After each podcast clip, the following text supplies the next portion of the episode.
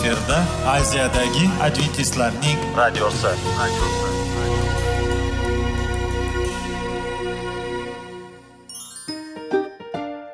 Assalomu alaykum aziz radio tinglovchilar. Sog'liq daqiqasi rubrikasiga xush kelibsiz. Zero tananing sog'lom bo'lishi va uning kasalliklardan saqlash har bir insonning burchi hisoblanadi.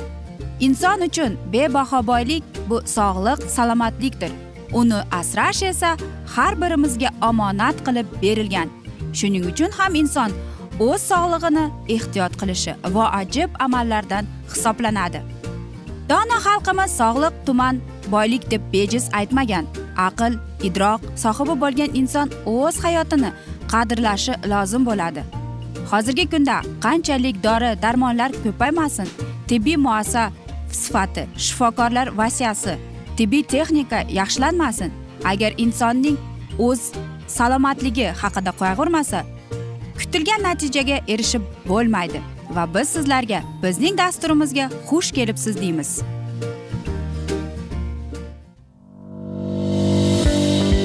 Sog'liq daqiqasi soliqning kaliti qiziqarli ma'lumotlar faktlar.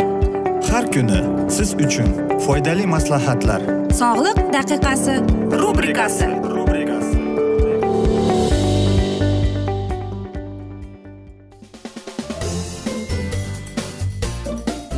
assalomu alaykum aziz radio tinglovchilar. Dasturimizga xush kelibsiz va biz sizlar bilan qanday qilib sog'lom bo'lish kerak degan dasturda xushvaqt bo'ling deb aytamiz. Va bugungi biz sizlar bilan o'tgan galgi dasturni yana davom ettiramiz. Ya'ni dasturimizning mavzusi tamakining umr zavoli deb nomlanadi va sizlar bilan biz mana shu tamaki nos ularning tarixi qayerdan kelib chiqqani haqida suhbat qurayotgan edik. Bugun esa mana shu mavzuni yana davom ettiramiz. Qarangki osiyo mamlakatlarida nosvoy chekish keng tarqalgan ekan. O'zbekistonda ham nos chekishga o'rganib qolish o'n uch o'n to'rt yoshdan boshlanmoqda. Shuning uchun bir o'ylab ko'rish kerak nima uchun odam tamaki yoki nos chekadi chekishning keng tarqalishiga sabab nima deb? Tadqiqotchilarning aniqlashicha chekishning sababi turlicha. Birinchisi bu sabab qiziqish. Tamaki ta'mini bir tatib ko'rish bo'lsa. Ikkinchisi sabab kattalarga tanqid qilish. Chekish keng tarqalishiga klublar kechalardagi kompaniyalar turli uchrashuvlarda. Bir marta chekib ko'rgan odam papiros tutuni hidini yana tatib ko'rishni yoqtirib qoladi. Yana chekkisi keladi. So'ng chekish odatga aylanib qoladi.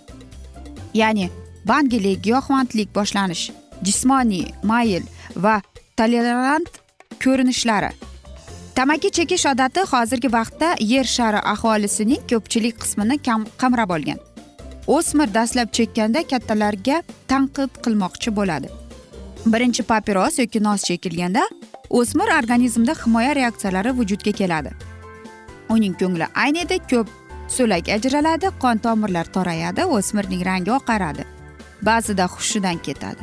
Bir necha marta chekkandan so'ng o'smir organizmida himoya reaksiyalari kamayib boradi va oxir oqibat o'smir organizmi tamaki va nosga o'rganib qoladi. So'ng o'smirda mustahkam shartli refleks hosil bo'ladi. O'smir o'n ikki o'n besh yoshda tamaki yoki nos ta'mini tatib ko'rar ekan. Chekishning dastlabki davrida organizmda har xil sezgirlar yo'qolib boradi. Bu davrda bir kunda o'n o'n beshgacha papiros chekiladigan bo'ladi. Chekuvchilarda asta sekin nikotin sindromi shakllanib boradi. Boshqacha aytganda organizmda nikotinni qabul qilishga bog'lanib qolish vujudga keladi. Bu uchta stadiyaga rivojlanadi. Ya'ni birinchi stadiya bu psixolog moslashish. Bunda odam chekkisi kelaveradi va borgan sari ko'proq papiros chekadi. Bu stadiya bir yoki besh yilgacha davom etadi. Ikkinchi stadiya bu somatik belgilari namoyon bo'la boshlaydi. Ya'ni chekuvchida bronxit kasallikni hosil bo'lishi oshqozon yurakda va boshqa a'zolarda og'riq noqulay holatlar ro'y beradi. Nerv sistemasida o'zgarish sodir bo'ladi. Chekuvchida ta'sirchanlik bosh og'rig'i holatlar sodir bo'ladi. Bu stadiya besh o'n besh yil davom etadi. Uchinchi stadiya chekish avtomatik bo'lib qoladi. Doimiy bosh og'rig'i xotirani susaytiradi. Juda ta'sirchan bo'lib qolishi doimiy yo'tal paydo bo'ladi. Narkotiklar bu o'z salomatligini obro' e'tiborini yo'qotgan juda og'ir nogiron odamlardir. Organizmning reaktivligini kamayishi va narkotik moddaga o'rganib qolishi tufayli odam narkoman bo'lib qoladi.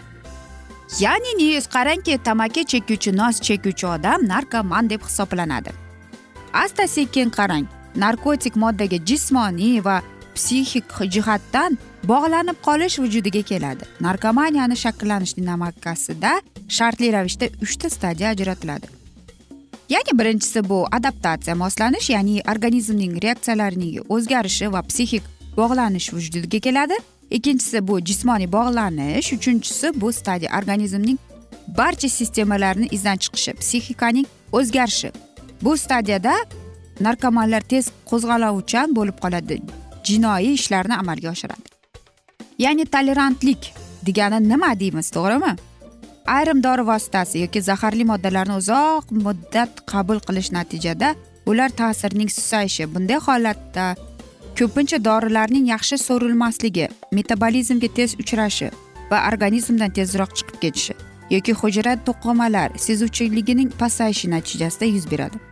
Og'riq qoldiruvchi qon bosim tushiruvchi surgi va boshqa dori vositalarini uzoq muddat ishlatilgan bu albatta narkomaniya deb hisoblanar ekan. Xo'sh biz nima deymiz? Tolerantlik bu narkomaniya va alkogolizmda tolerantlikning o'zgarishini jismoniy va ruhiy bog'liqlik bilan birga ko'zda ko'rinadi. Darajadagi absetin holat yuzaga keladi. Aziz do'stlar bilamiz bu tamaki chekish nos chekish bu mm, narkomaniyaga kiradi. Qarang e, olimlarning aytishicha bu eng og'ir stadiya ya'ni uchta stadiyaga bo'linib keladi. Albatta odamlar yillab tamaki chekib keyin uni tashlasa ular qiynalib qoladi. Shuning uchun ham uni asta sekinlik bilan mana shu yomon odatni tark etish kerak. Xo'sh aziz do'stlar. Men o'ylaymanki kim tamaki tortsa ham u tashlaydi va bizning dasturimiz aynan mana shunday qaratilgan mana shunday ma'noda. Chunki hozir yigirma birinchi asrda nima urfga kirgan? Albatta aziz do'stlar sog'lom turmush tarzi urfga kirib ketgan. Biz hammamiz ko'ramiz internetda ko'ramiz va ko'proq instagramda ko'ramiz. Qanday yulduzlar e, sog'lom turmush tarzini olib boradi? Ular qanday o'zlarini his etadi? Aziz do'stlar biz ham ulardan kam bo'lmaslik uchun mana shunday sog'lom turmush tarzini va kun tartibiga rioya qilaylik deymiz. Aziz do'stlar agar sizda mana shunday yomon odatlar bo'lsa unda biz sizlarga maslahat beramiz. Tashlang aziz do'stlar. Bu yomon odatni va sog'lom turmush tarziga yo'l qo'ying deymiz. Biz esa mana shunday asnoda afsus bugungi dasturimizni yakunlab qolamiz chunki vaqt birozgina chetlatilgan. Lekin keyingi dasturlarda albatta mana shunday mavzuni yana o'qib eshittiramiz. Va agar sizlarda savollar tug'ilgan bo'lsa biz sizlarni salomat klub internet saytimizga taklif qilib qolamiz. Va men umid qilamanki bizni tark etmaysiz deb chunki oldinda bundanda qiziq va foydali dasturlar kutib kelmoqda sizlarni. Biz esa sizlarga va oilangizga sog'lik salomatlik tilagan holda xayrlashib qolamiz.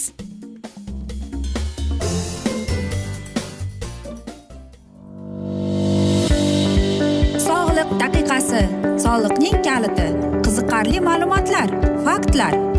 Har kuni siz uchun foydali maslahatlar. Sog'liq daqiqasi rubrikasi.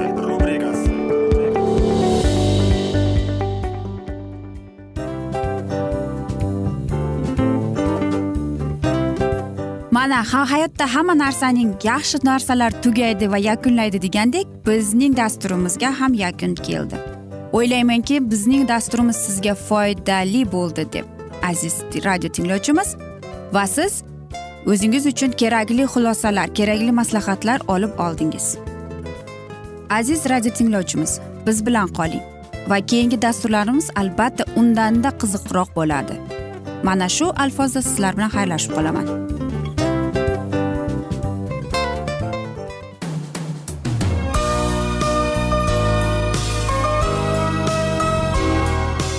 Efirda aziyadagi adventistlarning radiosi.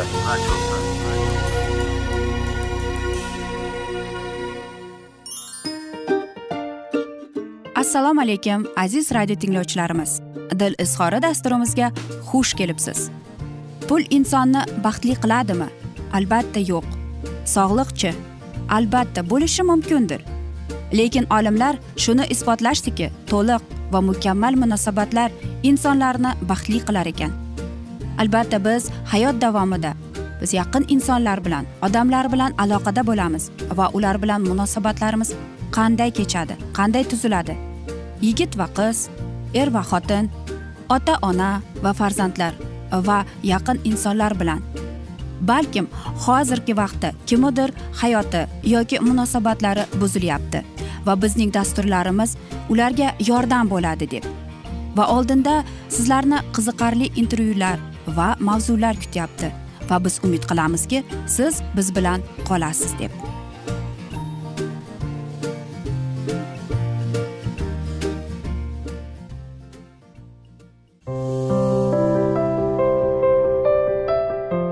Kuni har xil kasbdagi odamlar bilan sirlashish va bo'lishish sevgi rashq munosabat bularni hammasi dil izhori rubrikasida.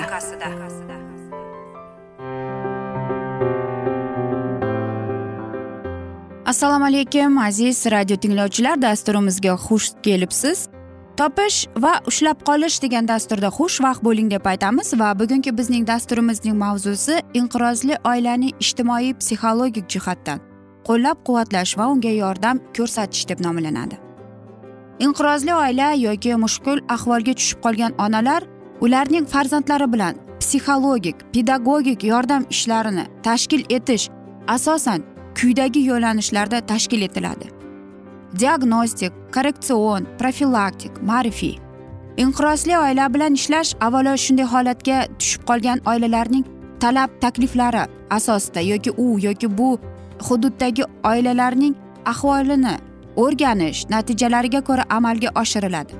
Masalan o'zbekiston sharoitida jami oilalarning salmoqli qismi yosh oilalar toifasiga kirish ularda muayyan muammolarning ijtimoiy hamda psixologik muhofazaga ehtiyojni e, sezitish tabiiy bo'lgani uchun e, hamda bunday xizmat shoxobchalari bir tomondan talab va taklif asosida tashkil etadi etiladi.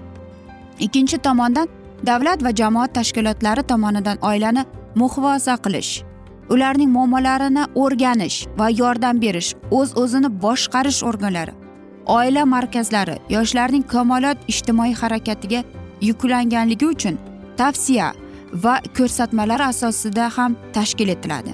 Qanday shaklda bo'lmasin bunda markazlar yoki xizmat turlariga turli inqirozli sharoitni boshdan kechirgan oilaga yordam ko'rsatish ularning asosiy vazifasi hisoblanadi. Jamoatchilik tashabbusi bilan tashkil etilgan shunday xizmat turlaridan biri mamlakatimizdan turli tuman va shaharlari markazlarida tashkil etilgan yoshlar ijtimoiy ko'mak markazlarida bo'lib uning qoshida tashkil etilgan yosh oilaga ijtimoiy va psixologik xizmat ko'rsatish bo'limlari undagi ishonch telefonlari oila a'zolariga ma'rifiy ma'naviy axborot psixologik xizmatlarni amalga oshiriladi deydi. Oilaga ijtimoiy psixologik xizmat markazlari kimning buyurtmasi bilan faoliyat boshlangani uning faoliyati samarasi kim monitoring qilishdan qat'iy nazar u quyidagi toifa insonlarga xizmat ko'rsatadi.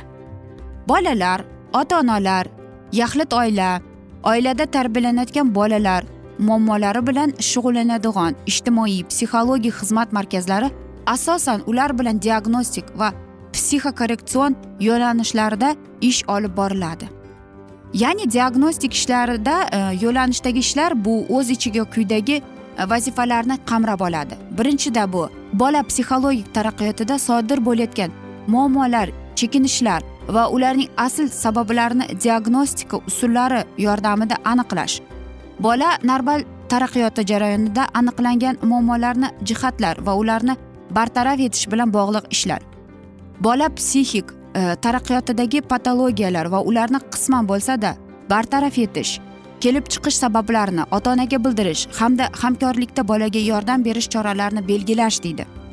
Bola salomatligi va uning xastaliklarini psixik hayotga aloqadorligi bevosita ekanligini aniqlagan psixolog ya'ni maslahatchi ota ona bilan birgalikda muammoning yechimini izlaydi va u bilan oila muhitini yaxshilashga hissa qo'shadi. Bolalar o'rtasida olib borilayotgan profilaktik ishlar asosan avvaldan belgilangan reja bo'yicha amalga oshiriladi. Qarangki profilaktikaning maqsadi bolada anomal holatlarning oldini olishdir. Albatta bunda ham psixolog mutaxassis psixodiagnostik vositalardan foydalanadi. Lekin uning vazifasi eng avvalo bolada ro'y berish mumkin bo'lgan patologik jarayonlarning oldini olishdir. Chunki oilaviy nizolar oilaviy munosabatlarning izdan chiqishi shu oila muhitida tarbiyalanayotgan e, bolaning asab tizimiga psixologik rivojlanishiga salbiy ta'sir ko'rsatadi. Qarangki yana oilada muammo bo'lgan bolalar o'rtasida olib boriladigan korreksion tuzatish bilan bog'liq chora tadbirlar ham diagnostik amaliyot bilan birgalikda amalga oshiriladi. Bunda diagnostika orqali aniqlangan xulqdan chekinish holatdagi e, bolaning yoshi oilaning sharoiti qiziqish iqtidori inobatga olingan holat mamlakat malakali amaliyotchi psixolog tomonidan amalga oshiriladi. Ota onalar bilan psixologik pedagogik profilaktika ishlari. Va qarangki e, bu eng yaxshi. Va bola nafaqat bu ota onalarga yordam deb o'ylayman chunki ayniqsa bola qachon qiynaladi? Unda o'spirim ya'ni undagi o'zgarishlar kelayotganda. Shuning uchun ham ota onalarga mana shunday markazlarda psixolog malakali psixologlar e, yordam berib bolaga qanday E, yordam qo'lini cho'zish bolaga qanday qilib e, ko'rsatish haqida e, mana shunday markazlar ishlab kelmoqda ekan. Qarangki o'zbekiston sharoitida ham endi keng ko'lam yozayotgan xususiy va davlat muassasalarini taklif etayotgan oila saboqlari ijtimoiy psixolog treninglar aynan er xotinlarni ota onalikka va o'zaro munosabatlarning turli jihatlariga qaratilganlar.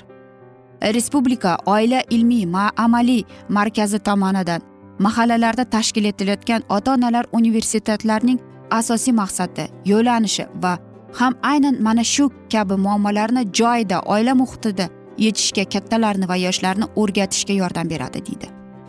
Aziz do'stlar men o'ylaymanki bu bizga eng katta foyda va o'ylaymanki eng mamnun deb.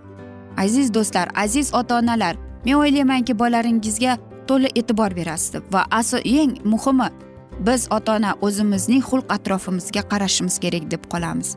Biz esa mana shunday asnoda bugungi dasturimizni afsus yakunlab qolamiz chunki vaqt birozgina chetlatilgan.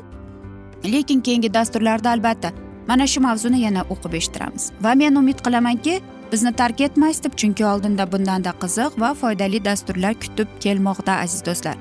Biz esa sizlarga va oilangizga tinchlik totuvlik tilagan holda seving seviling deb xayrlashib qolamiz.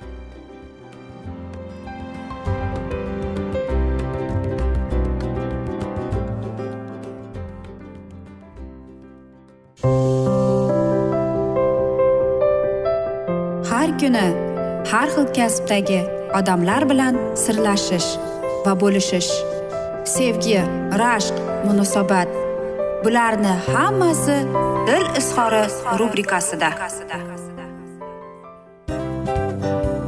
Mana aziz radio tinglovchimiz bizning go'zal va foydali va chiroyli dasturimiz yakunlanib bormoqda.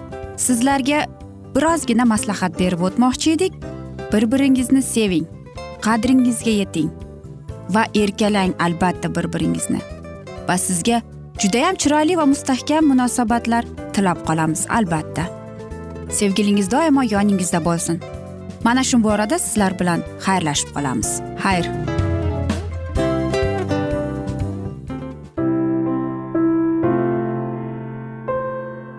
Hayotning noni. Qiziqtirgan savollar va javoblar. Buning hammasi ko'ngil uchun oziqa rubrikasida.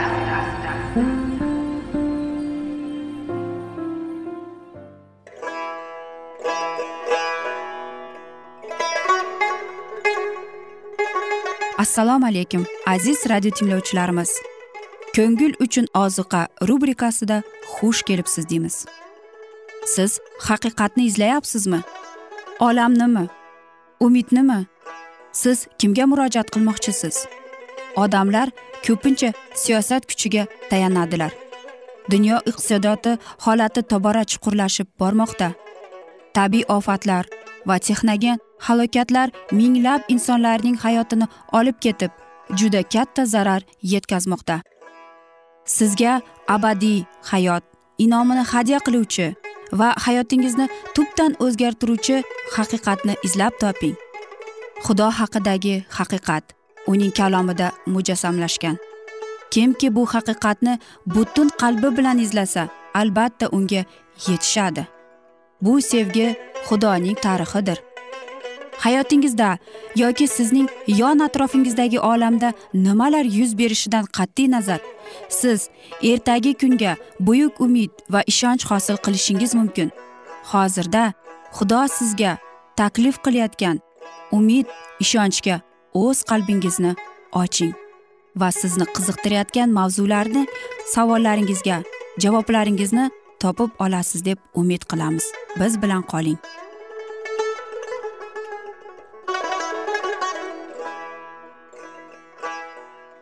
Assalomu alaykum aziz radio tinglovchilar dasturimizga xush kelibsiz. Va biz sizlar bilan ulug' otalar va payg'ambarlar degan dasturda xushvaqt bo'ling deb aytamiz. Va bugungi bizning dasturimizning mavzusi ibrohim kanonda deb nomlanadi va biz sizlar bilan o'tgan galgi mavzuni yana davom ettiramiz. Sabr toqat va e'tibor bilan quyosh botguncha u keltirgan qurbonlarini saqladi.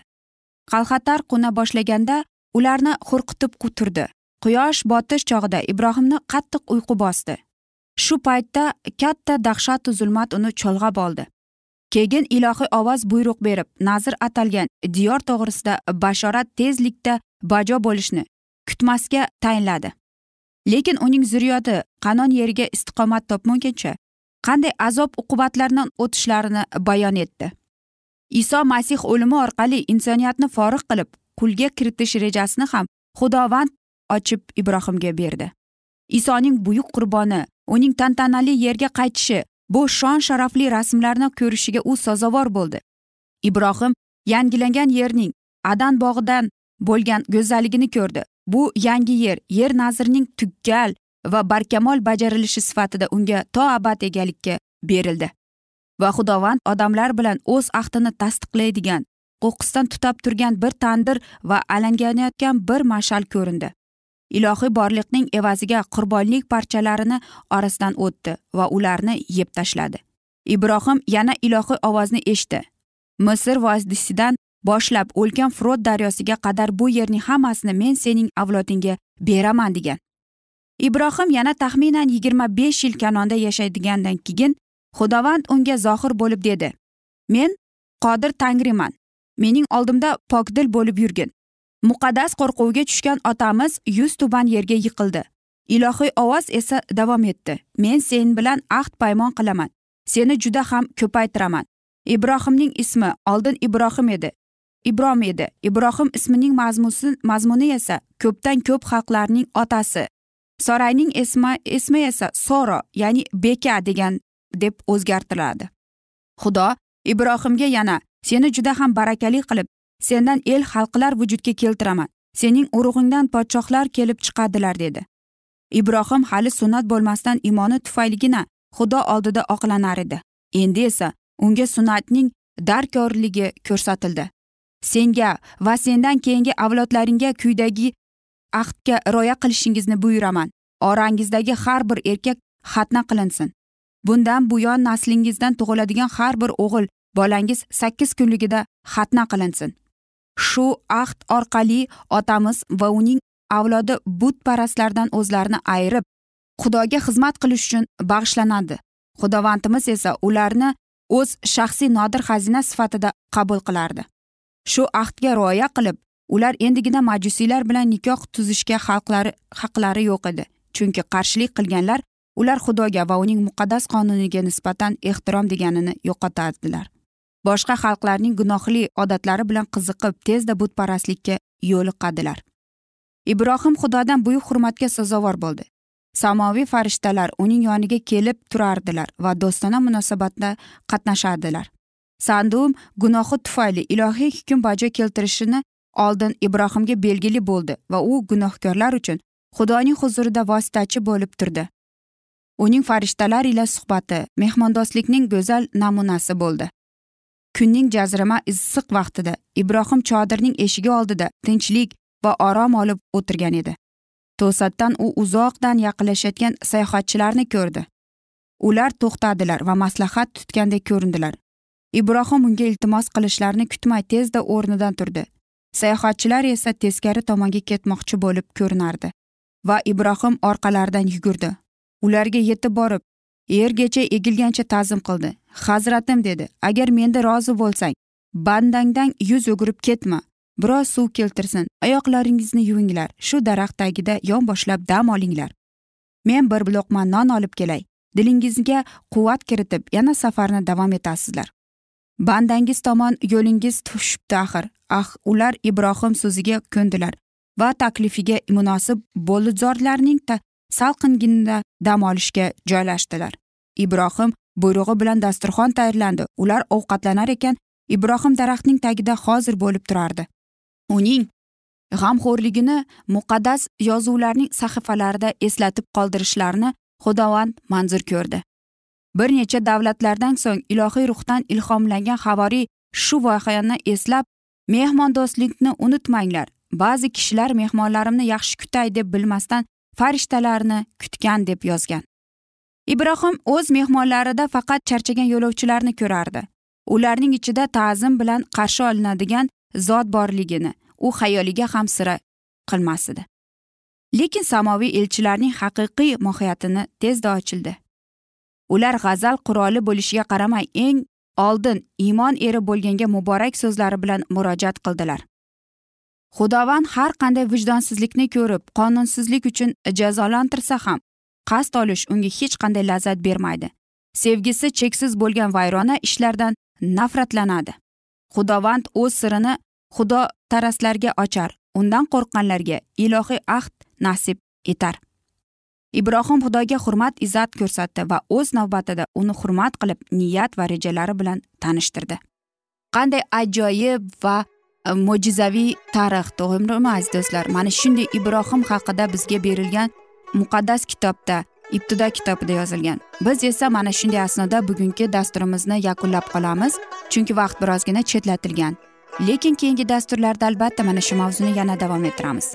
Va sizlarda savollar tug'ilgan bo'lsa biz sizlarni adventis tochka ru internet saytimizga taklif qilib qolamiz aziz do'stlar. Va umid qilamizki bizni tark etmaysiz deb chunki oldinda bundanda qiziq e, va foydali dasturlar kutib kelmoqda.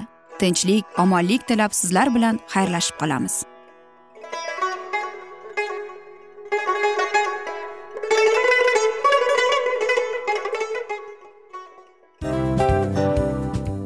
Afsus afsus. Hamma yaxshi narsaning ham yakuni bo'ladi degandek bizning foydali va qiziqarli dasturlarimiz ham yakunlanib qoldi. Va men umid qilamanki bizning dasturlar sizga ozgina bo'lsada maslahat berdi foyda berdi. Va sog'liq borasida ayniqsa sizlarga foydali bo'ldi deb. Va siz bizning maslahatlarga amal qilasiz deb. Albatta keyingi dasturlarda undanda qiziqroq undanda foydaliroq ma'lumot berishga harakat qilamiz. Undanda qiziqroq ko'rsatuvlar sizlarga hadya etishga harakat qilamiz. Bizni tanlaganingizga albatta sizlardan minnatdormiz. Sizlarga baxt omad va sog'liq tilab qolgan holda mana shu alfozda sizlar bilan xayrlashib qolamiz. O'zingizni ehtiyot qiling sog' bo'ling omad sizga xayr.